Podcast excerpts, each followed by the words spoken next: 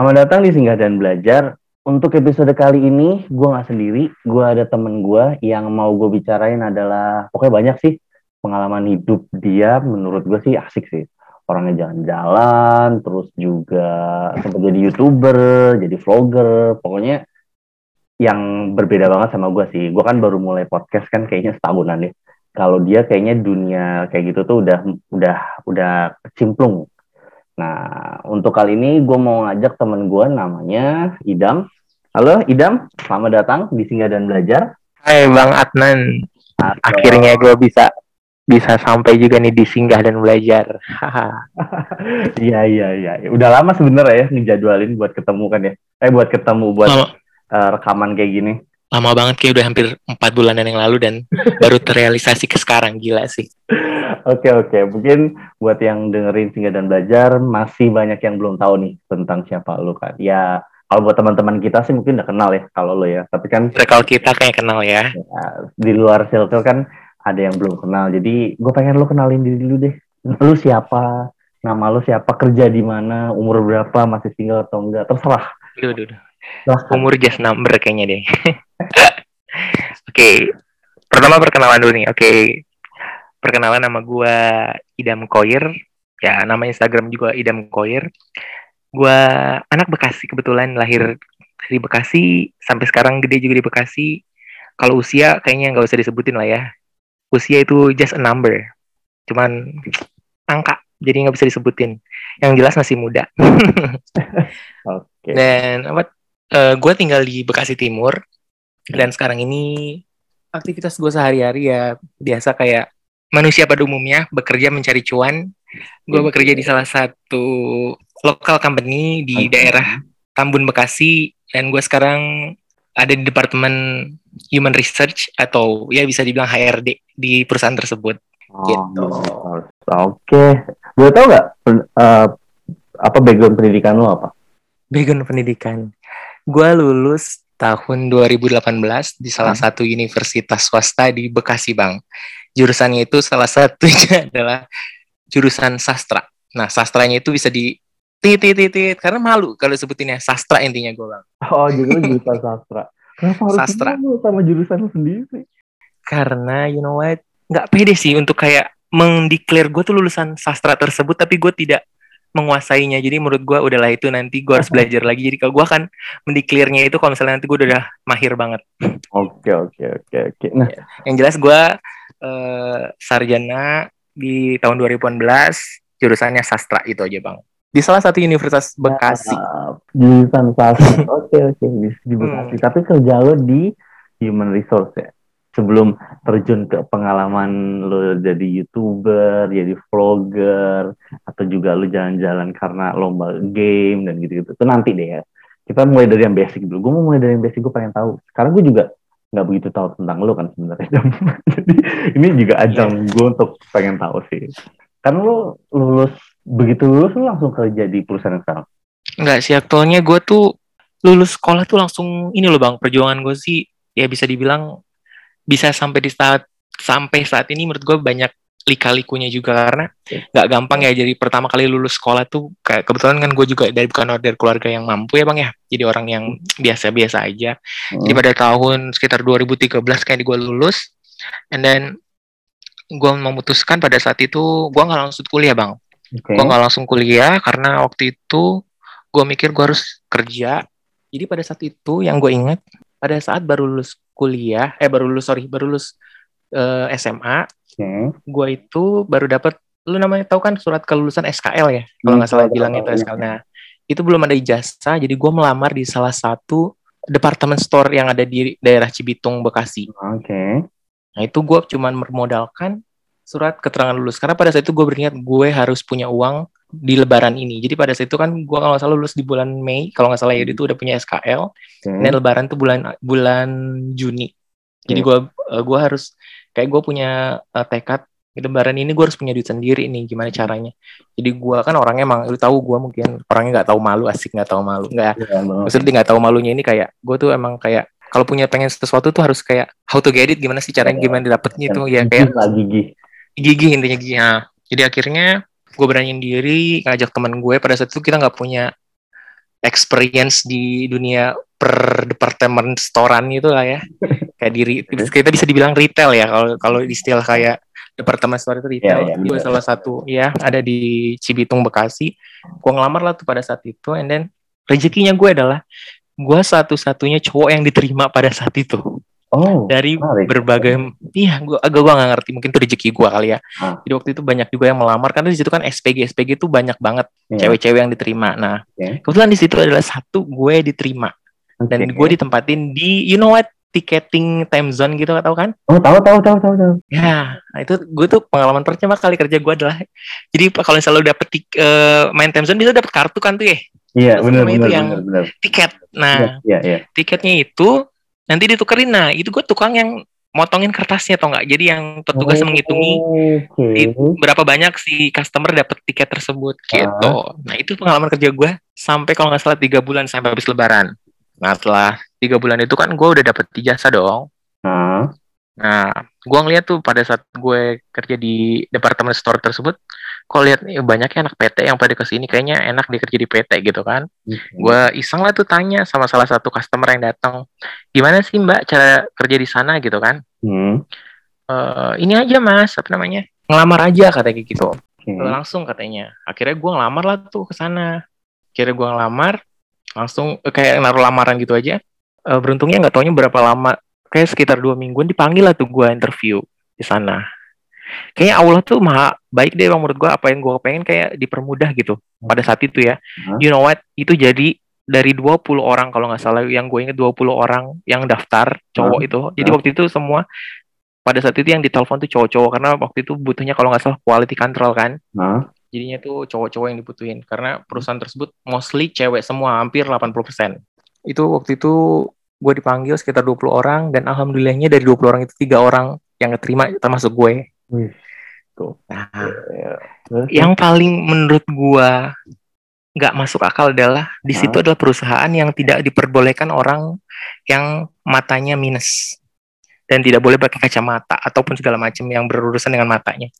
Dan pada saat itu kan ada tes mata tuh. Mungkin hmm. kalau lu pernah ada kalau masuk perusahaan besar atau gimana ada mungkin kalau perusahaan besar enggak lah ya kalau kantoran tapi kalau di manufaktur biasanya bang perusahaan manufaktur itu ada tes namanya mata jadi pada saat medical check up ada tes mata gitu kan ya. nah itu gue tuh udah gagal gue nggak bisa menyebutkan huruf itu mana itu mana gue nggak ngerti ya udah gue udah kayak ah udah lah ya gue kayaknya udah nggak apa nggak nggak apa namanya nggak beruntung mungkin di ya. sini karena gue udah udah udah udah hopeless kayaknya gue nggak akan sih bisa keterima karena yang lain oh ini jago banget. Lucky nih ternyata apa ternyata di situ dinilai adalah mungkin karena kan di situ dibutuhkan quality control ya. Nah. jadi mungkin ketelitian segala macam. Yeah. di sebelum medical check kan ternyata ada tes psikotes kalau nggak salah ya. Yeah itu tuh katanya nilai gue tertinggi. Wow. jadinya gue dipertimbangkan pada saat itu. Dan alhamdulillahnya gue lolos ke tahap interview dan ya gitu akhirnya dipermudah akhirnya gue terima lah tuh salah itu akhirnya pada saat itu gue pertama kali kerja di namanya PT bang anak PT pada saat itu di 2013 wow. ya 2013 setelah setelah tadi dari departemen store gitu di sana kalau nggak salah sekitar kurang lebih satu tahun ya sampai hmm. perusahaan tersebut collab ya kan? Oh, wow. Iya, jadi perusahaan tersebut collab. Jadi waktu itu bos gue bilang kalau nggak salah dia sih menjanjikan kamu bisa sih dam nanti uh, jadi karyawan tetap di sini. Enggak taunya udah berapa lama dia bilang kayak gitu perusahaannya malah collab. Dia juga kaget karena nggak tahu kalau perusahaan tersebut akan collab karena kayak secret gitu manajemen oh. di sana. Nah itu, ini nggak apa-apa cerita panjang. Udah nggak apa-apa, santai aja. Nggak apa-apa ya. Jadi setelah itu kan, uh, ini ya, gue nganggur tuh akhir kalau nggak salah sampai satu bulan. Jadi pada saat gue memulangkan seragam segala macam, karena kan waktu itu kalau kayak kalau misalnya udah uh, kontrak habis atau kayak perusahaannya kebetulan mau collab gitu kan, jadi kita hmm. suruh mengembalikan semua aset ya kan. Yeah. Gua ngeliat di samping perusahaan uh, tempat gue sekarang kerja ini di kan jadi ada satu PT sama PT gitu berhadapan ya. Yeah. Jadi pada saat waktu itu jadi job seeker, uh, setelah mulangin seragam segala macam atribut yang harus dipulang ke perusahaan, gue ngeliat uh, perusahaan di depan kan tempat gue kerja ada kayak orang kok banyak yang apa ya namanya ngelamar juga gitu kan. Hmm. gue iseng lah tuh besokannya ya kayak naruh lamaran. Ya alhamdulillahnya lagi. Gue dipanggil lagi di situ. Hmm. dan kebetulan adalah di situ juga dibutuhin quality control. Oh okay. dan iya. Nah dari situ awal mula menurut gue kayak awal mula gue berkembang kayak di situ deh. Jadi pas saat itu gue mikir gue nggak bisa nih kayak kerja lama-lama di PT yang harus jujur gue tuh orang yang nggak bisa menggantikan tidur malam di siang hari bang. Oh. Jadi kalau you know what, kalau waktu anak PT itu waktu pas gue di uh, PT sebelumnya itu, Hah? gue tuh sistem kerja itu empat hari eh, empat hari kerja dua hari libur. Jadi oh itu empat hari kerja full malam terus kalau nggak pagi terus gitu kan Nah. itu jadi jam 7 pagi sampai jam 7 malam jam 7 malam sampai jam 7 pagi you know what pada saat pas liburnya itu yang dua hari liburnya itu gue pasti dirawat Oh, wow. karena gue gua nggak kuat fisik gue karena gue pada saat paginya itu kalau misalnya masuk malam itu Hah? gue sampai sorenya lagi nggak tidur karena gue nggak bisa menggantikan tidur malam gue itu di siang hari atau di pagi hari Hmm. Hmm. sementara mata gue harus on time kan harus harus standby sorry harus standby terus melek tapi gue nggak bisa akhirnya pada saat hari libur itu gue yang harus kayak eh, drop ya pasti gue kalau nggak dirawat berobat dirawat berobat itu sampai akhirnya gue mutusin pada di kantor yang kedua itu yang setelah gue lulus dari kantornya pertama Hmm. Eh gue nggak bisa nih. Kalau harus nanti dapat karena kerja shift lagi gitu kan.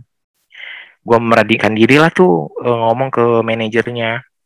Eh Pak hmm, mohon maaf sebelumnya gitu kan. Kalau saya harus hmm, dikenakan shift lagi saya better. Gue waktu itu kayak sok banget belagu mengundurkan diri deh gue bilang gitu kalau Wow, nggak salah. Gila, gila. gue takut daripada gue sakit buat apa dong? Dapat Hmm. duit tapi sakit buat apa? Kata gitu. Emang kenapa? Iya soalnya gue bilang pengalaman gue kalau kerja di kena shift malam gitu bakalan sakit gitu gitu kan. Heeh. karena emang pengalaman sebelumnya pasti dirawat mulu. Dan beruntungnya adalah jadi di situ ada salah satu orang yang mau resign. Itu yang administrasinya quality yang administrasi kan. Hmm. jadinya gue dites lah pada saat itu ini kebetulan ada nih yang mau resign. Coba kamu bisa nggak gini-gini? Ternyata alhamdulillah gue bisa gantiin dia. Jadinya gue kena non shift bang. Wow. nah, itu gue jadi nggak terus selama itu gue kerja di situ lima tahun ya bang ya. Nah, di perusahaan itu sampai lima tahun selalu tahu yang perusahaan yang kedua ini. Karena menurut gue di sana yang bikin gue berkembang. Nah pada saat kan itu gue kerja eh, pulang pagi sampai sore ya. Nah gue berpikir dong masa gue harus kayak gini terus sih? Nggak ada aktivitas. Masa gue pendidikan gue sampai sini? Akhirnya gue memutuskan untuk kayak gue harus kuliah deh. Jadi gue ambil kuliah malam bang.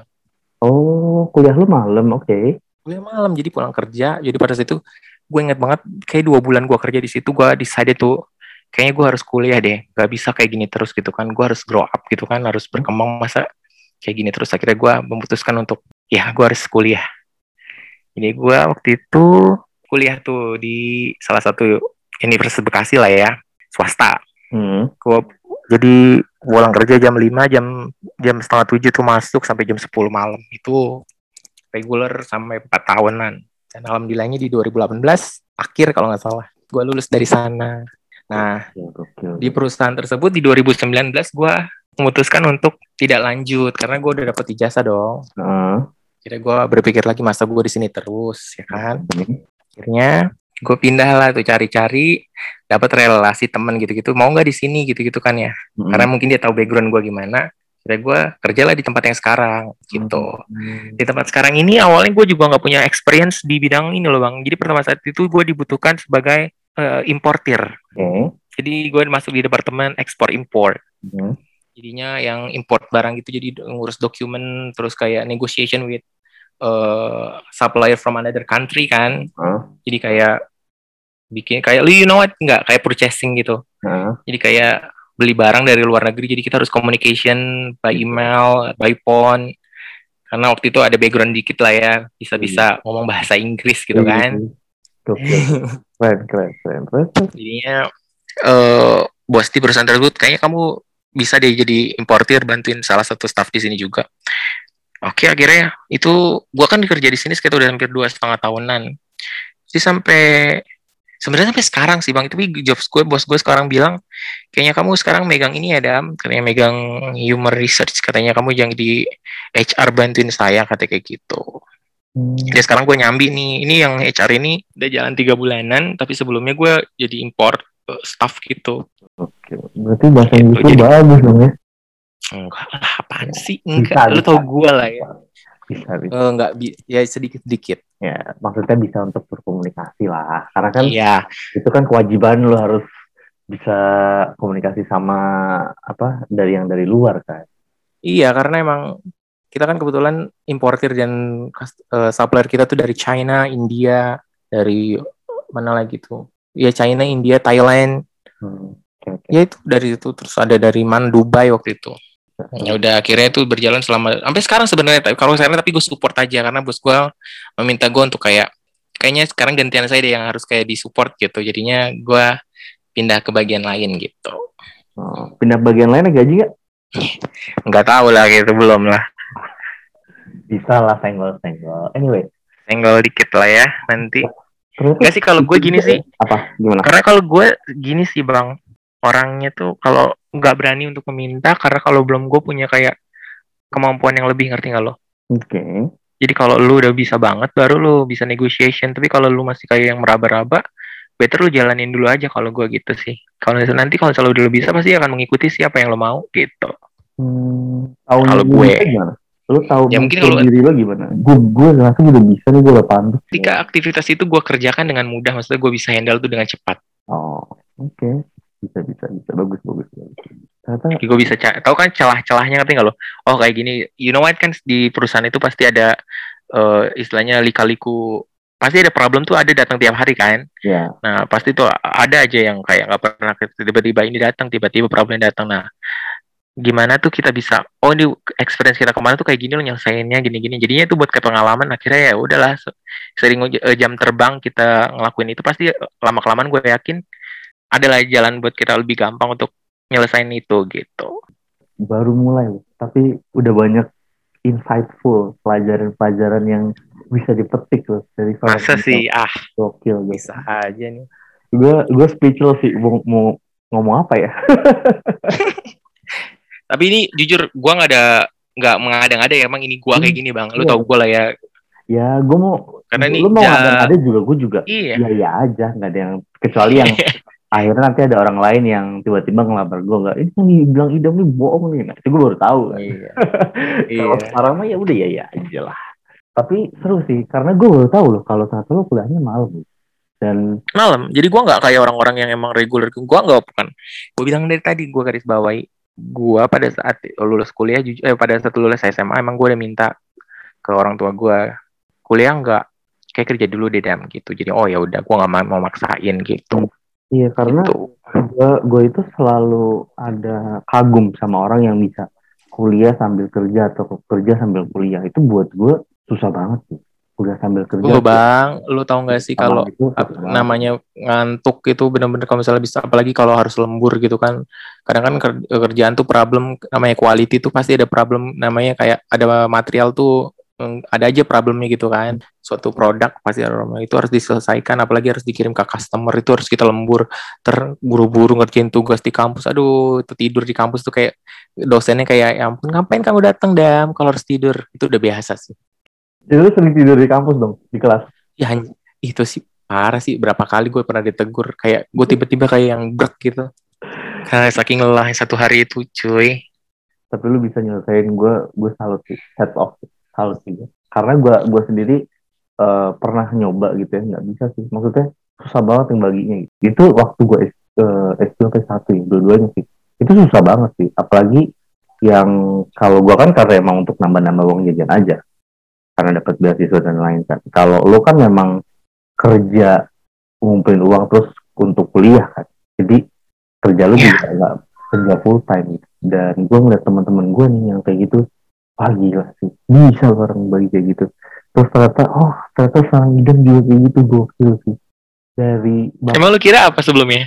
Gue kira lu kayak yang ya udah tadi kan uh, waktu lu cerita di awal lu kerja dulu. Oh ya udah mungkin kerja ngumpulin uang terus gitu udah selesai ya udah terus lu kuliah gitu.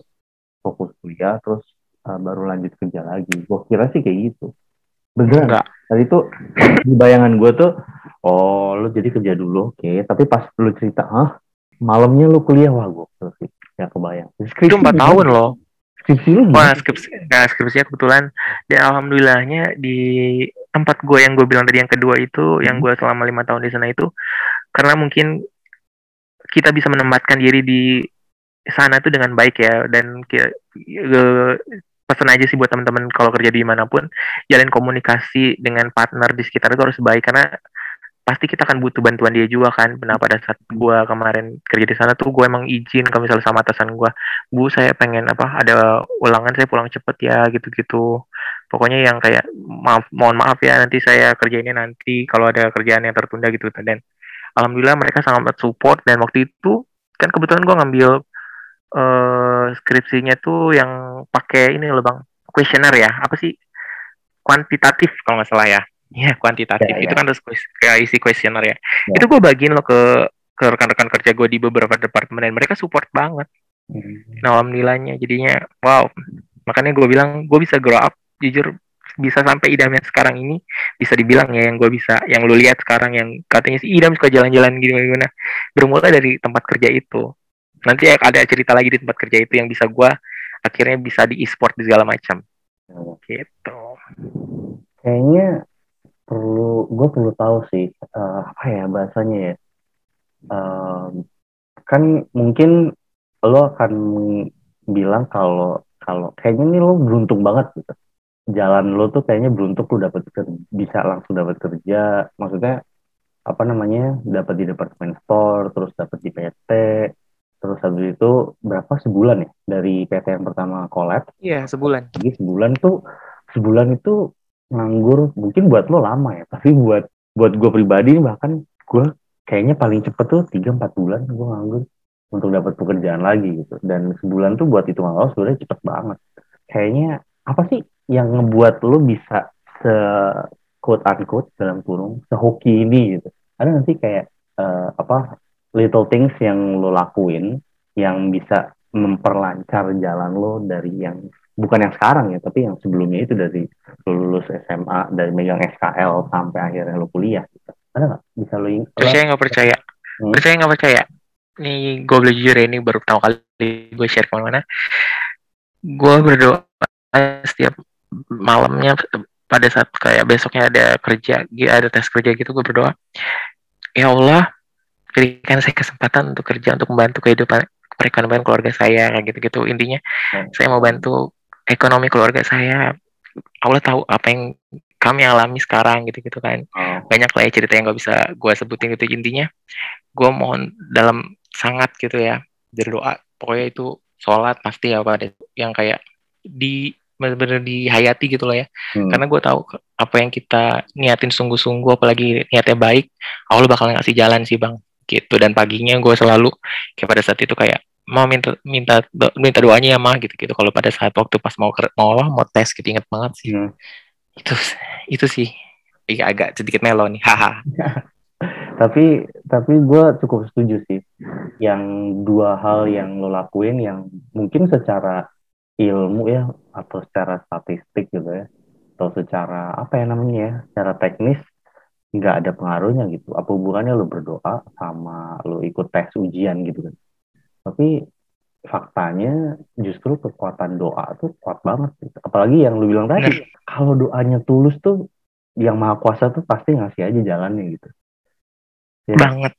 Ada jalannya beneran nih lu bisa lihat dong tadi yang bener gue bilang tadi itu ingat ini boleh jujur ini gue ingat banget pada saat yang tes pertama kali yang gue udah hopeless gue nggak hmm. keterima di, di satu di perusahaan pertama yang gue bilang tadi ya karena mata gue minus ya hmm. itu gue inget banget gue punya uang waktu itu ini ini ini demi Allah ya gue inget banget gue inget banget pada saat jalan ke perusahaan itu gue ada uang kalau nggak salah sekitar sekitar sisa lima belas ribuan. Ongkos gue kebetulan kan pulang pergi kalau nggak salah waktu di Cibitung Bekasi itu gue masih naik angkot ya bang ya? Hmm. itu pulang pergi gue di, di, inget banget dikasih ongkos ada di sekitar dua puluh ribu. Itu gue ada sisa lima ribu kalau nggak salah. Pada saat mau tes di depan kantor di tempat perusahaan itu gue ngasih ke ada orang yang membutuhkan gitu ya. Kayak gue udah lah ya gue sempat tahu dengan ini dipermudah. Itu bener banget sih bang. Sedekah itu luar biasa juga beneran deh tiga udah tuh ampuh. Doa. Itu itu yang gue inget itu itu inget banget gue itu masya allah banget. Gue sampai ya allah. Itu gue jujur ya karena temen gue yang udah kerja di situ bilang kalau mata minus nggak akan pernah mungkin bisa di sini dan karena material itu part-part itu kecil-kecil banget you know yeah. optik. Jadi lu pernah nggak buka VCD pernah, pernah. VCD mungkin zaman dulu ada VCD atau laptop. Itu kan keluar tuh optikal. Jadi kalau masukin drive-nya tuh masukin CD-nya itu kan ada yang kayak lampu uh, nyala gitu. Bener. nah itu optik kecil gitu kan. Jadi kan harus nah. matanya tuh harus yang jernih yang orang nggak ada masalah. Nah, itu gue harus kerja di tempat kayak gitu pada saat itu you know what? Dan berkat kuasanya gue bisa di sana. Lu bayangin yeah. itu gue yang wow idam bisa di situ. Itu karena menurut gue itu salah satu perusahaan besar juga loh waktu itu di Cibitung. Karena sempat datang waktu itu mantan presiden Pak Susilo Bambang Yudhoyono datang ke sana karena itu dibilang salah satu perusahaan yang sangat berkembang di Bekasi tapi nggak taunya collab ya akhirnya ya bisa wow agak ada kebanggaan sih pada saat itu gue bisa di situ Enggak yang simple sih, tapi banyak orang yang lupa gitu. Banyak orang yang ngerasa uh, tiga hal ini nggak penting yang tadi. Iya. Pertama tuh kalau emang lu berdoa doa yang tulus minta yang tulus. benar Nggak nggak sekedar doa aja gitu doa untuk keperluan aja gitu. Rutinitas lo habis sholat terus doa gitu lupa gitu. Terus yang kedua tadi lu minta doa dari orang tua sebelum berangkat kan ya? Iya itu pas mau berangkat pasti itu sesimpel itu sih tapi gue juga dari banyak cerita dan ya dari pengalaman pribadi juga. Itu banyak banget yang yang bilang tuh itu justru efek dari itu salah satunya gitu yang ngebuat nggak tahu ya jadi mulus aja gitu. Padahal Iya. sederhana lu bangun pagi lu siap-siap berangkat mau tes atau mau ujian terus ya udah lu pamit sama orang tua gitu. Doain ya pak bu. Terus udah. Ya namanya doa orang tua ya mak benar di ma apa dikabulin gitu. Dijabah. Dijabah. Terus yang yang ketiga yang se- ini yang buat gue antara logika dan hati sih. Iya. An- Itu- itu jujur ya. hati. itu benar-benar yang gue sih malah mikir apa karena nggak tadi gara-gara tadi yang gue kasih ya padahal nggak seberapa gitu. Gue nggak ngerti lah itu emang udah kuasanya kali ya. Tapi mungkin gue pernah dengar juga sih eh, pada saat lu benar-benar kesulitan banget tetapi lu masih bisa berbagi itu akan ada lipat gandanya yang akan lu dapetin. Itu ingat banget sih gue kata-kata itu. Gue percaya gue percaya. Jadi iya jadi pada saat itu emang gue bener emang nggak punya waktu itu kan dari kalau departemen store memang kan gajinya nggak terus berapa ya bang ya? Mhm. jadi pada situ habis buat uang buat buat ongkos pulang pergi makan juga kan di sana nggak dapet gitu kan. Jadi emang waktu pada sekali di tiga bulan departemen itu ya buat kayak buat kehidupan sehari-hari aja. Nah makanya waktu pas mau ngelamar kerja itu emang nggak ada uang banyak. Hmm. ya akhirnya emang cuman berapa akhirnya nggak tahu kenapa kayak tiba-tiba kasih dedam gitu pada saat itu. Ya alhamdulillah bener wih luar biasa sih itu sedekah itu Hmm. padahal lu cuma ibaratnya dengan duit lima ribu itu yang Mm-mm. kalau dari logika banget gue cuma lima ribu. Gue cuma ngasih uang lima ribu rupiah. ya kan lima ribu tuh harusnya secara logika tuh harus buat lu makan siang gitu paling enggak lah setelah tes gitu Gorengan kayaknya deh. ya, buat, ya. ya buat gorengan buat ganjel-ganjel lah ya supaya lu bisa Iya. fokus gitu. Secara logika tapi hati lu berkata lain, lu kasih dibalasnya ya lu kerja di perusahaan itu satu tahun. Iya. Gila. Dan gue di situ bisa beli motor dong lo? Wow. Dari situ. Kalau bisa beli motor, apa ya gajinya ya?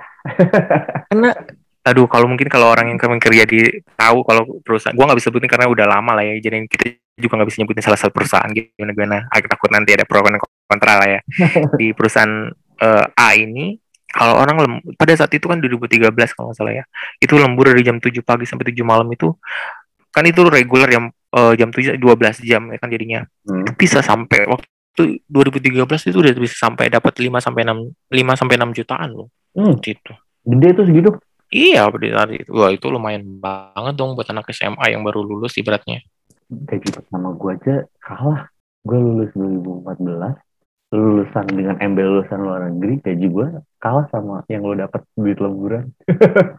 Waktu itu sebenarnya itunya kecil kan oh, UMK ya kalau upah minimum. UMR itu itu nggak banyak cuman kayak 2 jutaan berapa tapi kan emang lemburnya. Gila-gilaan dan gua orangnya emang waktu itu getol banget nyari duit. Jadi kalau yang gue bilang kalau lagi nggak sakit nih pas ada dua hari yang gua nggak sakit itu ada temen gue yang minta gantiin gue datengin gue lembur jadinya. Gue Hmm. full tuh enam hari kerja. Iya. jadi gue getolin deh tuh nyari duit pada saat itu. Karena waktu itu pengen yang punya pengen punya motor kasihan dong tiap hari gila. Berangkat pagi naik help dong kalau help tuh yang harus ke Cibitung itu aduh harus yang barengan sama orang dagang desek-desekan aduh tiap hari. Gimana nih masa kayak gini terus? Akhirnya punya mimpi pengen dia punya motor. Akhirnya kebelilah tuh motor di situ. Udah berapa bulan kerja ya? Lima bulan. Alhamdulillah beli cash kalau nggak salah waktu itu. Wow, lima bulan kerja beli cash. Gila. Gue kerja kerja pertama gue aja jujur gaji gue 4 juta. Kerja pertama gue 2014. 2015 berarti. 2015 Januari. Itu 4 juta tuh gaji pertama gue di Jakarta. Kalah sama lo. Gila, gila. Salut, salut. Kalah sama lo yang lu SMA sambil kerja SMA sambil Mm-mm. kuliah. Gila. Gokil, gokil, gokil. Wow, lu lulus, terus oke langsung masuk ke bab yang bab lagi kayak buku. soalnya, soalnya kayaknya berat banget ya. Seru ya. Gue nggak tahu kenapa jadi seru gini cerita. Udah lama soalnya nggak cerita sama orang, tapi kayak ngalir aja kayak emang apa yang gue ceritain emang real gini. Gue Hmm. ngeluanginnya tuh kayak enak juga sih. kayak berbagi pengalaman. Jadi kan Main masa masa-masa kuliah lo bener-bener nggak ada waktu main dong. Sabtu Minggu juga pak capek istirahat paling kan selama lo kuliah 4 tahun itu. Iya, Sabtu Minggu ya kadang-kadang ngerjain tugas kelompok sama teman gue. Itu jadi ya nggak jadi yang emang susah sih kalau ya, ya lu bisa bayangin lah anak kuliah yang sebenarnya jujur kalau boleh jujur nih ya kuliah sambil kerja itu kurang ef- efektif kalau gue bilang jujur Atau kuliahnya? Hah? Nggak efektif kuliahnya atau kerjanya? kuliahnya Kenapa? Ya karena jujur udah capek kerja jadi kayak kayak mungkin nggak semua orang kayak gue kali ya sorry gue bilang kayak gini. Karena ya mostly yang teman-teman gue yang pada kerja itu aduh capek juga ya kita kerja sambil kuliah jadi kayak ilmunya juga ya gue bilang tadi kadang-kadang dosen lagi nerangin tiba-tiba tidur. Oh, gitu. Ya kayak emang yang udah udah capek duluan ngerti nggak sih lo? Jadi ada beberapa pelajaran yang kita nggak konsen untuk untuk apa? Untuk kita pelajari gitu. Wow. Iya sih. Gue nggak kebayang capeknya sih. Gue nggak tahu. Gue nggak bisa ngebayangin sih sejujurnya. Mungkin juga, mungkin makannya gue eh, dikasih jalan untuk nggak kuliah sambil kerja kayaknya ya. Karena tahu gue nggak bisa gitu. Tapi kalau lo kayaknya ya bisa-bisa aja gitu. Ya maksimal enggaknya kan itu beda cerita sih. Cuma kan faktanya lu bisa selesai gitu. Dan iya iya itu gokil. Gue gak kebayang. Soalnya cerita-cerita orang skripsi itu kan selalu ngeri ya kalau pas semester-semester lo lagi skripsi ngapain dan segala macem lah harus survei dan segala macem. Aduh, jadinya itu apalagi kalau ada kerjaan banyak itu bingung antara harus kadang-kadang kan walaupun kuliah malam kalau misalnya dosennya pagi adanya ya kan kita harus datang juga itu izin-izin juga ntar jam istirahat. Berarti lu lulus tahun tahun berapa sih lu lulus 18 kayaknya akhir 2018 akhir Mm-mm. itu Mm-mm. eh, masih di posisi apa Q apa quality admin quality admin Mm-mm. masih terus dari setelah lulus itu gimana